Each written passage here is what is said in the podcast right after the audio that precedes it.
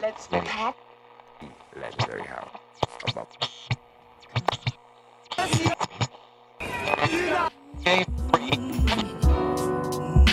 Welcome to Coming Out of the Celluloid Closet. I'm Andrea Coloma. And I'm Kate Crochelle. Did you know that Ursula from The Little Mermaid was based on the legendary drag queen Divine? Nevertheless, queer representation in animated films for children or adults is few and far between. This and other tidbits await on this episode as we leave no queer stone unturned and ask why there isn't more positive LGBTQ content in animation. We also talk with animation filmmaker Tang Nguyen, a graduate of the Viborg Animation Workshop, about her work.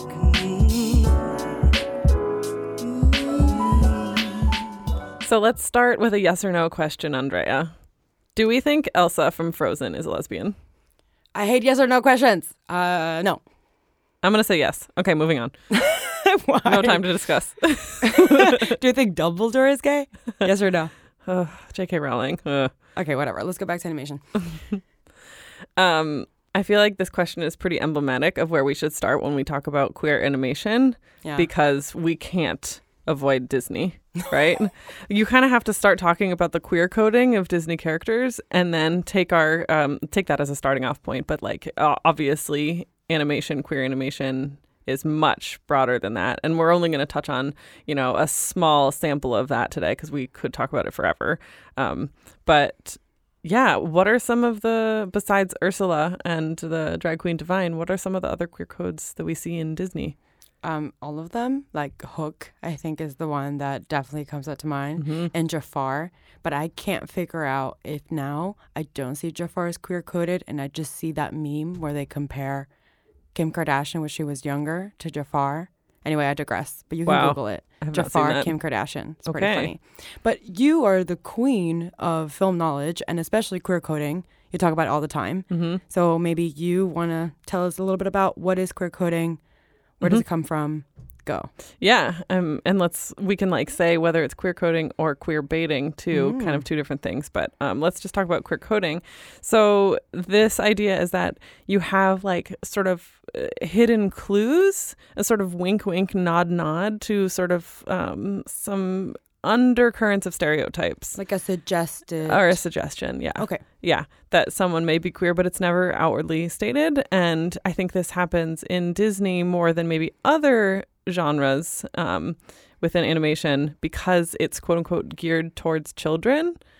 And, you know, it has a long history. There was this uh, short animated film uh, by Disney from 1939 called Ferdinand the Bull, which was like um, a queer coded short where a feminized bull character doesn't want to fight and he would rather smell flowers instead, uh, but it gets thrust into this like bullfighting arena despite his like long eyelashes and sort of prancing um, demeanor. Um, and then all he wants to do is like sit next to the flowers. So that's an example of a queer coded um, Disney short. But yeah, like, why do we feel like there has to be queer coding and not outward queer representation in animated films by Disney? I think, eh, I mean, if we look into animation and we go into like the Hays Code, which was very much a censorship of the film industry in Hollywood in the US, right? If you look at animations before the Hays Code, so the pre Hays Code era, as is referred to, it was for adults. I think this animation for adults, people think that it's a new thing, but it's not. Animation was made for adults. Hmm. And then the Hays Code came, and then they saw this huge market of children in their homes, right? Then TVs came. You could just get children in their homes. And I think is married to that and the inherent homophobia or queerphobia or transphobia that comes from Hollywood and predominantly US films that definitely like dictate everything else also comes from there. Right. And, then when you marry with children, then gays are bad. Gays are for adults.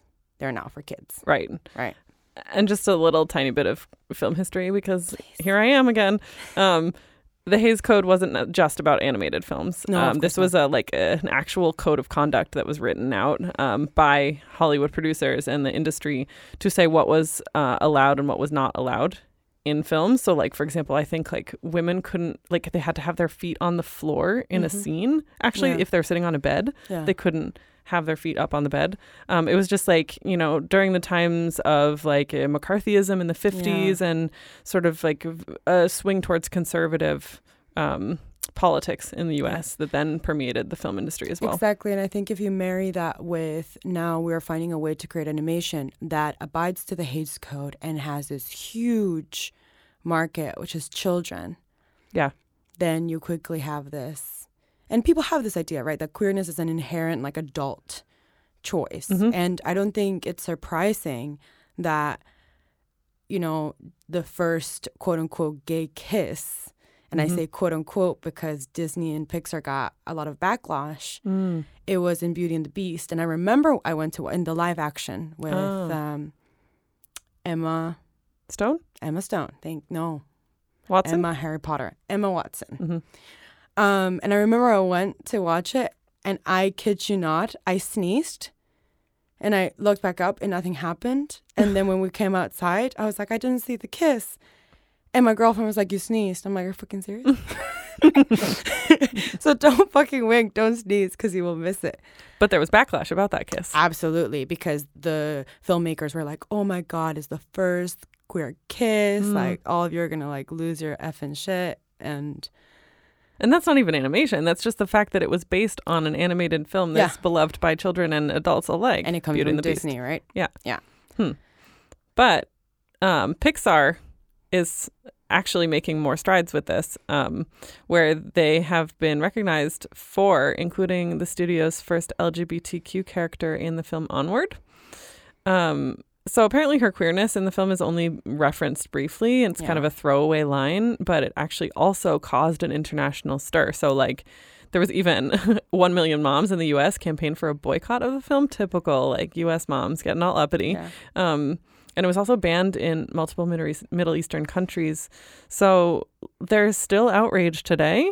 Yeah, and it's again this protection of child like childhood naivete and innocence that um, is not seen queerness is not seen inherently as innocent, right? It's seen as dirty, Mm, it's seen as perverted, it's seen as something that adults choose to do right. in cruising parks and Mhm. et cetera, right? Um, so, and I just want to say that One Million Moms, uh, it's an organization. So it's not only One Million Mothers, it's actually an organization. Okay, like One, capital. yeah, capital One, capital M, capital M again. Um, yeah, but I think yeah, pretty much it goes back to that. It goes back to anything that that is seen as queer as perverted and therefore quote unquote adult. I know that quote unquote I said every time. Um, but I think that there are some short films that prove for children that prove that it is possible to talk about sexuality and gender with children through animation. I don't know if you've seen In a Heartbeat. No, I haven't. No, it's really cute. So, In a Heartbeat is a short about a little boy who says another little boy. eh, There's no dialogue. Mm. So a little boy sees another little boy, and his actual heart beats out of his chest and starts following I have crush. seen this. It's beautiful. yes. Yeah, it was shortlisted for the Academy Awards for Best Animated Short Film. It won tons of awards around different festivals, and it was praised on various um, platforms Mhm. and reviews. So there's not a lot out there. Mm. Uh, in Mix, we do try to show some short films to children and between the ages of three and seven, because it is possible and there is some out there. But in terms of like the mainstream, Mm. there is still not a lot. Okay. But there is also um, queer animated films for adults. also, Absolutely. right? There's definitely great ones. Um, we actually just had a pre-premiere of the movie Flee um, here in Denmark, and that is a like an animated film that has was like recorded in an interview style and then animated over. And do you want to talk about the the content of the film? Yes, absolutely. So Flee by Jonas Poher Rasmussen is it premiered at Sundance. I'm pretty sure it was supposed to premiere at Cannes in 2020, but Corona made that not possible, unfortunately. But it's a documentary and it's based on the true story of a a refugee and asylum seeker from Afghanistan who remains anonymous throughout the film. and how he got to Denmark with his family and the horrible hardships that refugees have to face when they meet this racist border regime, especially in Europe. Um, but the film is animated, and the it's actually animated uh, by a lot of the people that also graduated from the Viborg Animation School, which is where Yes. Tang comes from. Yes, Mhm. or sorry, uh, was educated as well. But and she has worked with them before. We'll hear about it in the interview later, Mhm. hopefully.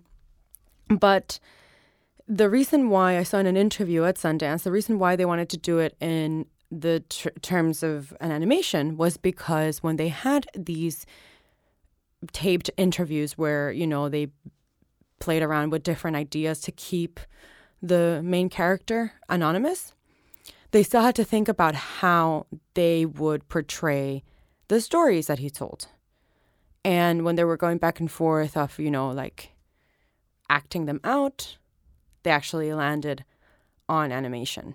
Hmm which was a beautiful way of telling the the story Totally. And I just think like uh, animation for queer film is a really beautiful solution to explore the sort of infinite possibilities that queer people can inhabit in our lives. Um, because there is such like a artistic beauty that we can create with animated film, um, regardless of whether it's for children or adult, adults, that can sort of expand our minds and like actually create space for acceptance yeah absolutely right? That you might not be able to represent with um, live action films. Yeah, exactly. And I think something that I at least observe with queer queerness being represented in animation is mostly on TV, and it is coming over to film. Mm-hmm. Yeah. Like, I'm not going to get into it because we're going to be here until tomorrow, but it's very much b- being flourishing on animated TV. Yeah. and I would love to see it more on the film side hmm and more towards children, more towards adults, just everything. But it also comes down to money because if you think that it's hard to get money for a regular feature film, imagine how much money it costs to animate a feature length film. That's true. I mean, Pixar is doing it right now. They're uh, working on a film called Out. Um, it's their first short film. Or sorry, no, it is a short film. So I guess it's going to take not as long, but it is the first short film to feature a gay main character and Yeah. storyline. But I'm really excited to sort of hear the actual process of animating Mhm. and queerness within animation. So, what do you say that we welcome Tang? Let's do it.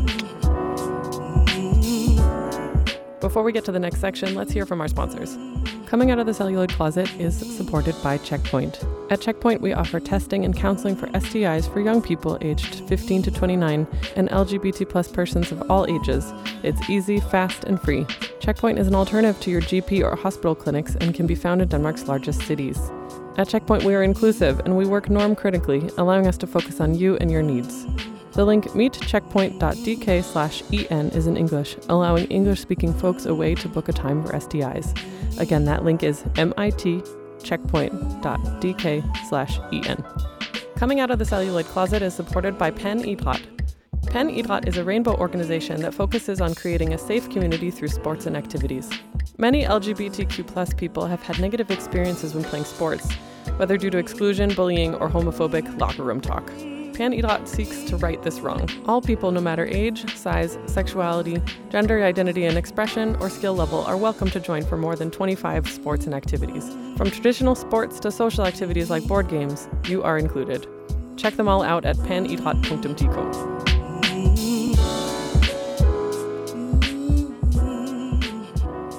Hello, we are here with Tang Nguyen, who is a Vietnamese animation filmmaker currently based in Copenhagen. She has a deep passion in making film with limited animation style, naive character designs, yet sophisticated storytelling. She graduated from the Viborg Animation in 2019 and has made three films about her existence as a human. Tom Has a Plant, funeral, and in his closet coming out next year. Welcome to the podcast. Hi. How are it's you nice doing? to meet you all. Thank you, you too. So, Hey, welcome to the podcast. this is Kate calling in from Maine. Hi, Kate. So I think this is probably an obvious question to start with, but what sparked your interest in animation? I mean, I started my career first as a graphic designer, but then I when I was about 20 years old, I, I, I stumbled across a short animation from like the school, and it just really nice to see like your illustration comes to life with movements and animation. And since then, I, I got hooked becoming the animators. But like when I start getting to the animation industry, I realized like I hate animating. So now I'm a filmmaker and a designer and I don't do animation that much, but I, I really love the medium itself. For those that don't know anything like myself, what is the difference between being a filmmaker and an animator? A filmmaker is the one who tell the story, and it's more like a director who who wants to tell so tell a story and put the vision into life. And the animators is are, are the one that actually making the characters moving. So basically, they are more just the one that making the film and not the one who tell the story. And I'm more a filmmaker and I like to tell my story, so I think it fit me more in, yeah, that word. Yeah, of yeah. course. Um, what would you say has influenced your style that you have today? I guess it's from my previous education when I was a graphic designer, so I really like the shape and I like symbol forms. But recently, since I start going back to Vietnam and I start to have more interest in my own culture, I start to implement my work with Vietnamese elements.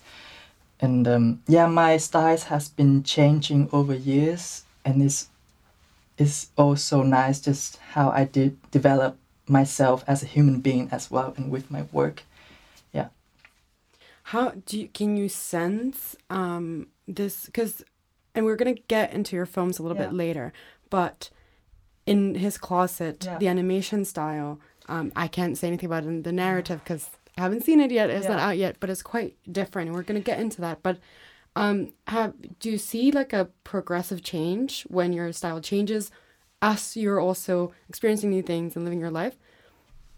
Yeah, I think it's uh, it's the way it is that for me, like I, I always keep develop myself and I always looking for new inspiration, and also during this past three years has been like uh, my own developments as well, like becoming from uh, a male to a woman. So it's, it's also like um, a lot of things happening in my life that actually also um, affect on my works as well of how I like to tell the story and how I would want to communicate with the audience through my own story and inspire other people as well. Um, you said that you were incorporating more Vietnamese styles now, mm. going back to Vietnam. Um, do you want to tell us more about what was it like to go back to Vietnam, but also what are these? What is Vietnamese style? Mm, it's not Vietnamese style, but it's more when I moved to Denmark. I'm really fascinated with the, um, the Western culture, with like um, minimal modern design, like Danish designs, and I was really hooked on that. And somehow I kind of lost my my culture in some some way that I don't use it much in my design. I always try to make it look like some famous Danish design or something. But slowly throughout the years, I, I start to realize that that like I wanted, I want my yeah. It's just difficult to explain it, but it just I found myself and I found who I want to be, and it just I can feel like the Vietnamese culture inside me now is just like growing more than before. Yeah, maybe it's when you get older you you you're more attached to your hometown. Yeah. Oh, that's a beautiful thing. So I'm curious to hear more about what you said about moving to Denmark and um, emulating some of the Danish uh, design styles. Was that from, would you say, like a an aesthetic point of view? Like when you came to Denmark, you realized that there's a very specific design, aesthetic design sense um, around you in the sort of like in the shops and the stores that you saw or was it also more cultural? And how did that influence your first works? I think it's more cultural when you're from a third world country, when you always look up to like a more developed country and you think it's, it's better, like Caucasians are better than Asian. So that's like years ago, I have that mindset that most of Asian right now they still do, which is they always see people in the West are more developed, are more smart, and things they produce is better than what we can produce. And that's the thing that I got lost in the beginning that I I think that my own culture is not good enough. But after years living in Denmark, I, I slowly realized that why I have to think that way when when I look back to my own heritage, there's so many beautiful things, and now that's why I want to uh, implement my work with a lot of Vietnamese elements. Yeah. Do you think uh, that's very interesting because we talk so much mm. in uh, mix, but yeah. not only mix in LGBTQ plus mm. media and film, which we are. We talk a lot about representation. Yeah. Um, do you think that this idea?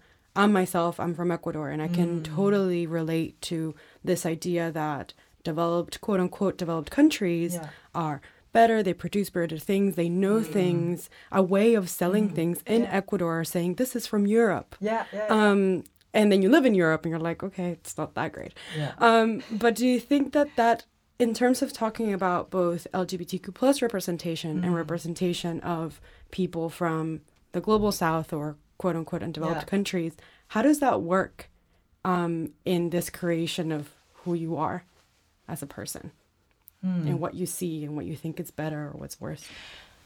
I mean, it's also me with my transitioning. Like um, when I used to live in Vietnam, the, the LGBT community is a bit different from like in Denmark. Like for us, we only have straight, gay, and lesbian. Like there's no other spectrums in the sexuality or gender anything. So for me, back then when I used to be gay, is always the the mindset of oh, I I'm a man, I like a man, but then I have to act like a man and look like a man to fit in this society. And for us, like Vietnamese, trans people are still something new and still they are kind of um, um, how's the word for that? They they they see trans people as prost- prostitutions thing and not much about a human being. So that's also like back then I I had that mindset as well, and I was like, I, I, I don't want to be trans because the trans people are like this and that. But when I moved to Denmark, when things here so open, when I come to school, there's a lot of my friends they express their their sexuality different way, and I just like open minded slowly, and through years, I kind of like realized like why I have to push myself into a form of something when the way I want to express myself is something else. So it's all, I think it's also affect my work somehow. With my first film, Tom's Has a Plan, was my f- first experience like dating thing culture in Denmark, and it was just a bit too much. And, and my second film was was Funeral, was more about a boy being killed by people in a small town, which is me surviving this society when there's so many things that have been pushing me down, killing part of me. So my last film in this trilogy is In His Closet, which is about a guy who who trying to accept the woman who has been living in his closet for years. So that's why it's uh, also like my final film in this trilogy, which ends my chapter of being a guy and from now on, when I start making film, I would like to have female representation as a main character and not a male character like three first film in my trilogy. Why did you decide to make a mm. trilogy? Why was that important? I didn't even plan on make the trilogy. It just happened slowly that I can. It's just the three years, the last three years was a lot of things changing and graduation and step into the adult life and figuring out yourself. So it's just come quite naturally of the trilogy, and it's just now I want to put an end on making a male man character in my films. Mm. So I think it's a perfect ending for this, and mm. now I can start moving on with uh, something new. Yeah. I wanted to quickly read the plot synopsis of your three films, if you don't mind. Yeah. just the the way you've described the films on your website so our audience can hear a bit about the plots. Tom Has a Plant from 2019 is about Tom who is living in a world where he doesn't feel that he belongs. On his last day, Tom decides to give all of his plants away to the ones he loves. Damn, I've watched this film a few times and every time I watch it, I'm just struck by like the the depth of uh, emotion that you're able to achieve in just a few minutes. I would recommend our whole audience to watch it. It's super impactful. The next film, Funeral from 2020, presents a little boy with a quest for a voyage to planet Earth. During his journey, he comes to an absurd small town where a mysterious funeral is happening. And then the third and final film in the trilogy is In His Closet, which is scheduled to be released in 2022. Yeah, so all three, all of the films that I've seen so far um, are super deep, and especially Tom as a Plant. I could really feel the ro- the I could really feel the loneliness and rejection that you portrayed. and uh, I was actually reading an article about it where you were interviewed, and you said that it was about your terrible dating life in Denmark. Yeah, it was. but I would love to hear a little bit more about the genesis of Tom Has a Plant and actually all of the films in the trilogy. I think it's like um, it's a very common thing, and it's also especially for me for my case that I w- I'm come from like um, a country where the dating culture is different, and also the culture in general is also different. And moving to Denmark, it just I, I, I live in a city where it's like 10 million people living there, and moved to yeah. And when I moved to Denmark, I moved to Viborg, which is in Jutland, and it was tiny, and I, I didn't expect that. So I just came here for studying first, and then I realized that this town is tiny. So I spent three years in Viborg, and my dating life was really terrible. And also because I have to adapting to a new culture when men in Denmark they are more cold somehow. They they don't take the initiative much. And you're the one who has to do everything. And it was the kind of like for me like my culture shock is the dating culture that um I because in the beginning I feel like what's wrong with me like what did I do wrong like but then I start to realize that men in Denmark they're just weird so after three years of of having all the rejection and all the bad luck with dating that that I came up with Tom Has a Plans which was that year was like the worst years in my life somehow. So I just want to make the film as a diary just to tell my own story. So yeah that's how i make tom has a plan it's also like the i start to realize a lot of things in my life like who i want to be and my sexuality and what do i want in life and then the funeral the second film is after one year that when i after i graduated and that year was also like the second worst years in my life when i have to like the yeah figure out how to survive in this society and funeral somehow is um, is the the way that I tell the story of me dying, not like physically dying, but like mentally dying. That I don't want to be this. I don't want to be this person, and and I don't want the society to treat me this way. So after that time, I went back to Vietnam for years just to get back and just to have more time with my families to to learn about myself and yeah that's why i, I come up with the story uh, in his closet which is the um, yeah the story of me uh, transitioning yeah so basically that's it I just wanted to say really quickly, just as a reference Yeah, to our yeah. audiences, Saigon, Vietnam has a population of 8.9 million people. It's 10 now Is 10 now. 10 there you go, million 10 people million now. people.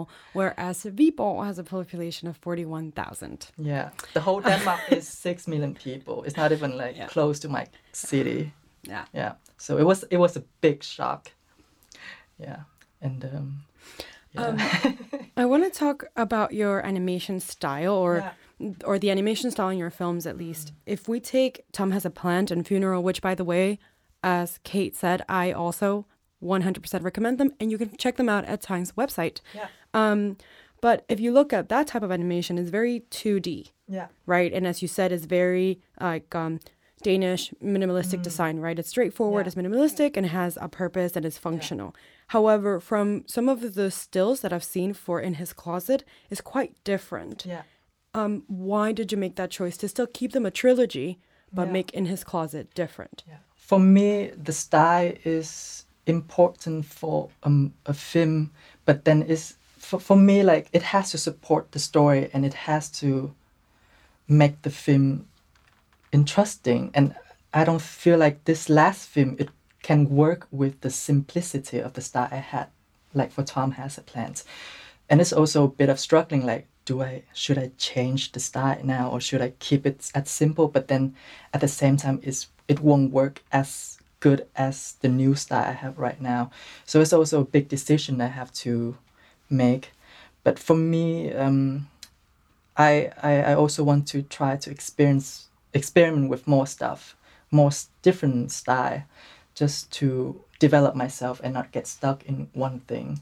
But I can f- feel like there's still some part of me that even though the style has changed, there, there there's still something in there that can reflect my style somehow. Yeah. Yeah. Are you excited for it to come out? I mean, I'm still working on it, and um, yeah, I hope it will come out next year. I'm still finding the time and money to. Let's just wish Yeah. it into existence. Just Yeah. say it's gonna come out. It's gonna come out next Yeah. year. How long has the process been? Because um, I mean, it's also different. Mm. Tom Has a Plant was your graduation Yeah. film, so it's also different Yeah. working Yeah. um, when you are also studying. Yeah. But how has been the process? It came out twenty. So Tom Has a Plant is twenty nineteen. Funeral is twenty twenty. That's only a year. Yeah. That's quite fast. How how were you able to release something that fast? Um, because when after I graduate, I have sometimes for myself that I like I don't work, so I have that time to focus on this uh, second film. But um, but because af but but then after that, I need to make money to survive. So the the life hit you. So this process for my last film it takes like more time than before because now I have to like saving up because yeah back then I used to live in Viborg things are cheap. Now I moved to Copenhagen everything's so expensive and um, yeah I have to survive. Yeah. In terms of just like generally uh, represent because I mean you are always in your in your two films and your upco- upcoming Yeah. third film. It's a story. It's not only a story of a queer person. It's a queer story Yeah. of of coming out of transitioning of Yeah. adapting to a new Yeah. place. So it's a queer migrant racialized story.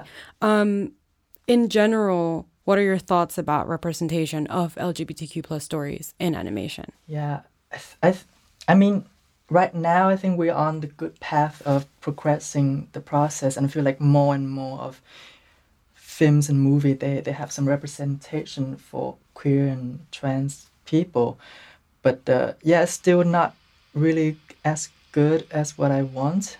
But um, yeah, it's just but then but then I I really appreciate like um, filmmakers who make short film because they are the one who tell their own story. They they they're there to tell something different because for movies and for big production, there's always a lot of money involved, and when it comes to money, it, it comes with people who can talk over you and decide this and that.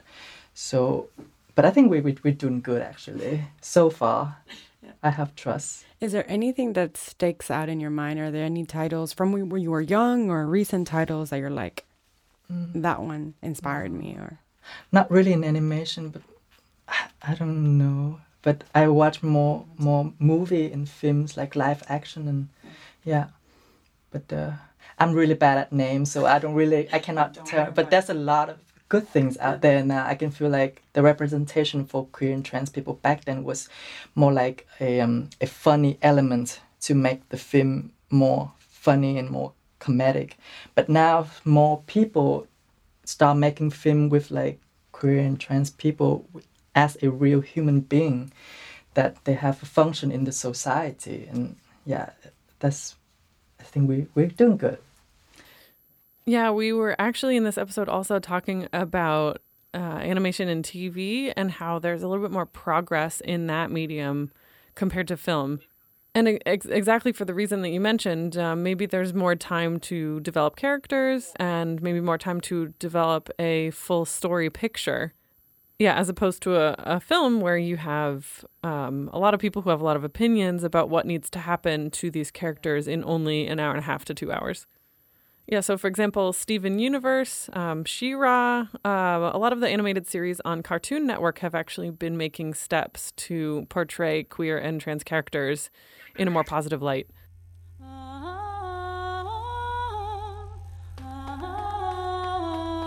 Hey, I like your song.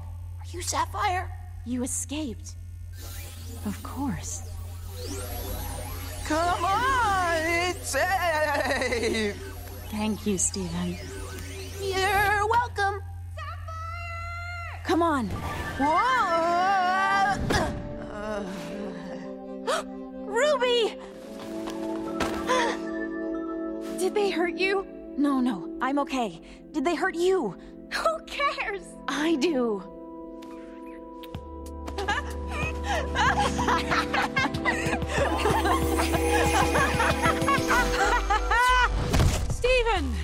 Thank you. Garnet! You're a fusion? Oh, I- I'm sorry. We didn't want you meeting us here like this. Well, did I make a good first impression? Oh, Steven. We already love you. But yeah, you're right. It's it's getting better. It's getting better. But I, s- yeah, I also feel like there's more queer people who working in animation now, and they dare to speak up their voice.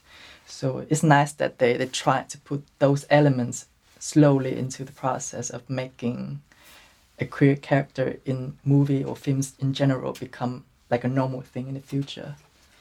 Um, just this is kind of. I was just thinking about it. Um, we kind of talked about it at the beginning. Yeah. It has nothing to do with representation. so sorry, I'm just like kind of switching the conversation here.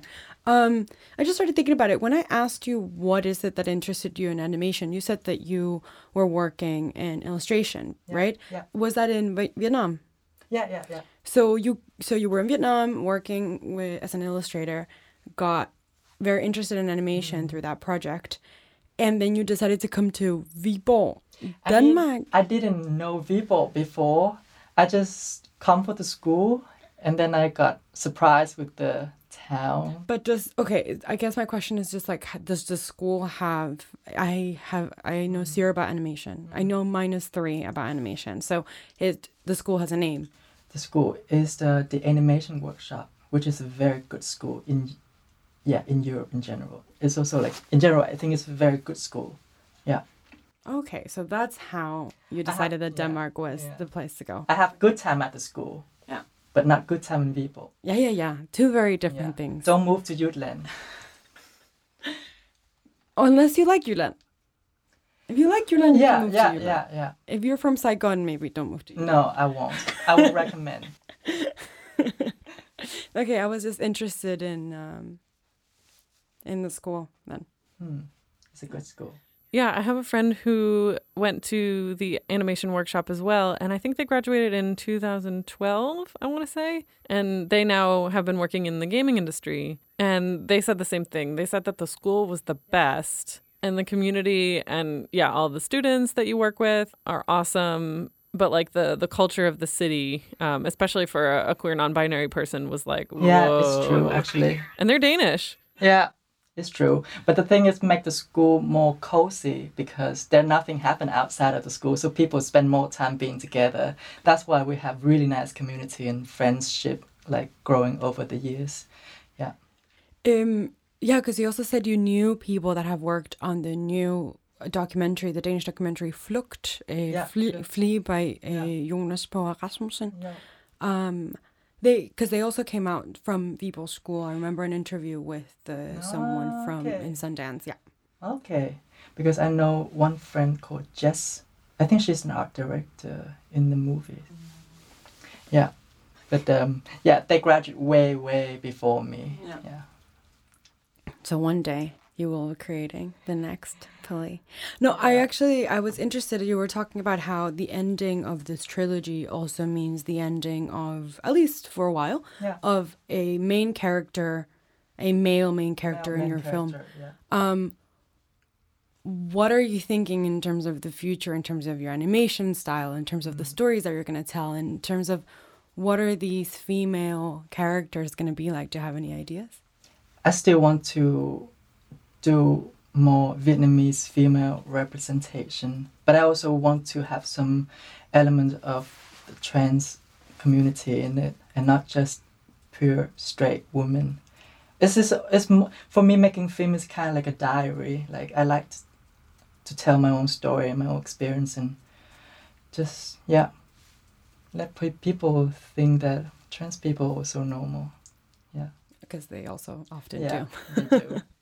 I'm excited to see what you have in your head, how your Yeah. diary develops. Did you ever keep a diary when you were younger? No, actually, no. But my diary is, is my film. Like I, I like to put it into vision and into something, and not just writing. I'm not good at writing, but yeah. Okay, you're not good at writing, so then what is the process of creating the narrative and the story? The process for me, because the process. I mean, I, I still write script, but the script for me is just the base. And when I start having like the base, I start moving on with the visual and trying to develop more in my head. I don't put it out into paper much. I work in my head. Yeah, so uh, it's not an usual way to make films, but that's why I, th- I think like for me it's easier for me to work by myself rather than working with other people because it's difficult to explain how I'm feeling, how I want to tell the story for other people. Yeah. Are you very specific into because what if you forget hmm. something if everything is in your head? No. No. I have a big happen. brand. Yeah. I'm a good Asian. I hate you. okay, I had a question. Now you made me forget in terms of your. Uh, cre- oh, I remember now. Um, you also don't, which I mean, uh, it, animation doesn't necessarily use any voice uh, over, but you don't use voiceover. Has that been deliberate, or are you thinking of possibly using it in the future? I mean, right now I'm writing a script for a feature film, and I think I'm gonna start using more dialogues in the film because if it's a longer format, then I think the dialogue is very important to keep the audience, um, yeah, sit down, yeah. But uh, for me, it's uh, yeah, I don't know why I haven't been doing much dialogue in my short films. Um, I just think that it's easier for me to put things into action and not by words. I'm, I'm yeah, I'm not really like talky person that much. You're doing quite great at this interview. I would like yeah. to say. so But, a, sh- uh, a show, but not tell. Yeah. Yes, I'm that kind of person. Thank you so much for being with us today and talking about your work. I really loved hearing about it. And thank you so much also for being open about your personal life, like being an immigrant and moving to Denmark, etc. So really appreciate it. But before we wrap up, um, where can people find you on the internet? No, it's a bit difficult because you have to know how to spell my name. But um, I guess you just search Tom Has a Plans, then you can. I think it goes straight to my website. Yeah. Do you have any social media people can follow? Or are you one of those zero Um, social media I only types? start social media th- recently, but mm, usually I don't use it that much. It's also like um, I'm trying to avoid it during this transitioning time of my life that I feel like I don't want to get more pressure from the society. Yeah. Yeah. But, Smart. uh, Smart lady. yeah. But yes, just Google Tom Has Planned Funeral and in his closet. Yes. And also, of course, we're going to have your name up. Yeah, yeah, yeah. So don't be ridiculous. People Yes. will see your name. You will find me. Great. Cool. Thank you so much for coming. Thanks for inviting me here. It was very cozy. Yeah. Yay. And it's um We're excited to see your work and we're excited to see where you go from here. yes. Um Bright future in Yeah. front of you. bright future with more sun in the summer. Hopefully. Hopefully. Thank you so much. Thank you so Thank much, you. and we'll see you Bye. at Mix 2021. Woo! And that's a wrap for this season of Coming Out of the Celluloid Closet. This episode was presented by Andrea Coloma and Kate Crochelle. It was researched by Sophia Stein with help from Joe Olson. Mixing and editing by Winter Robinson. If you have questions or feedback for us, just send us an email or record and send a voice memo to communication at mixcopenhagen.dk. Thanks so much for now, and we'll talk to you next season.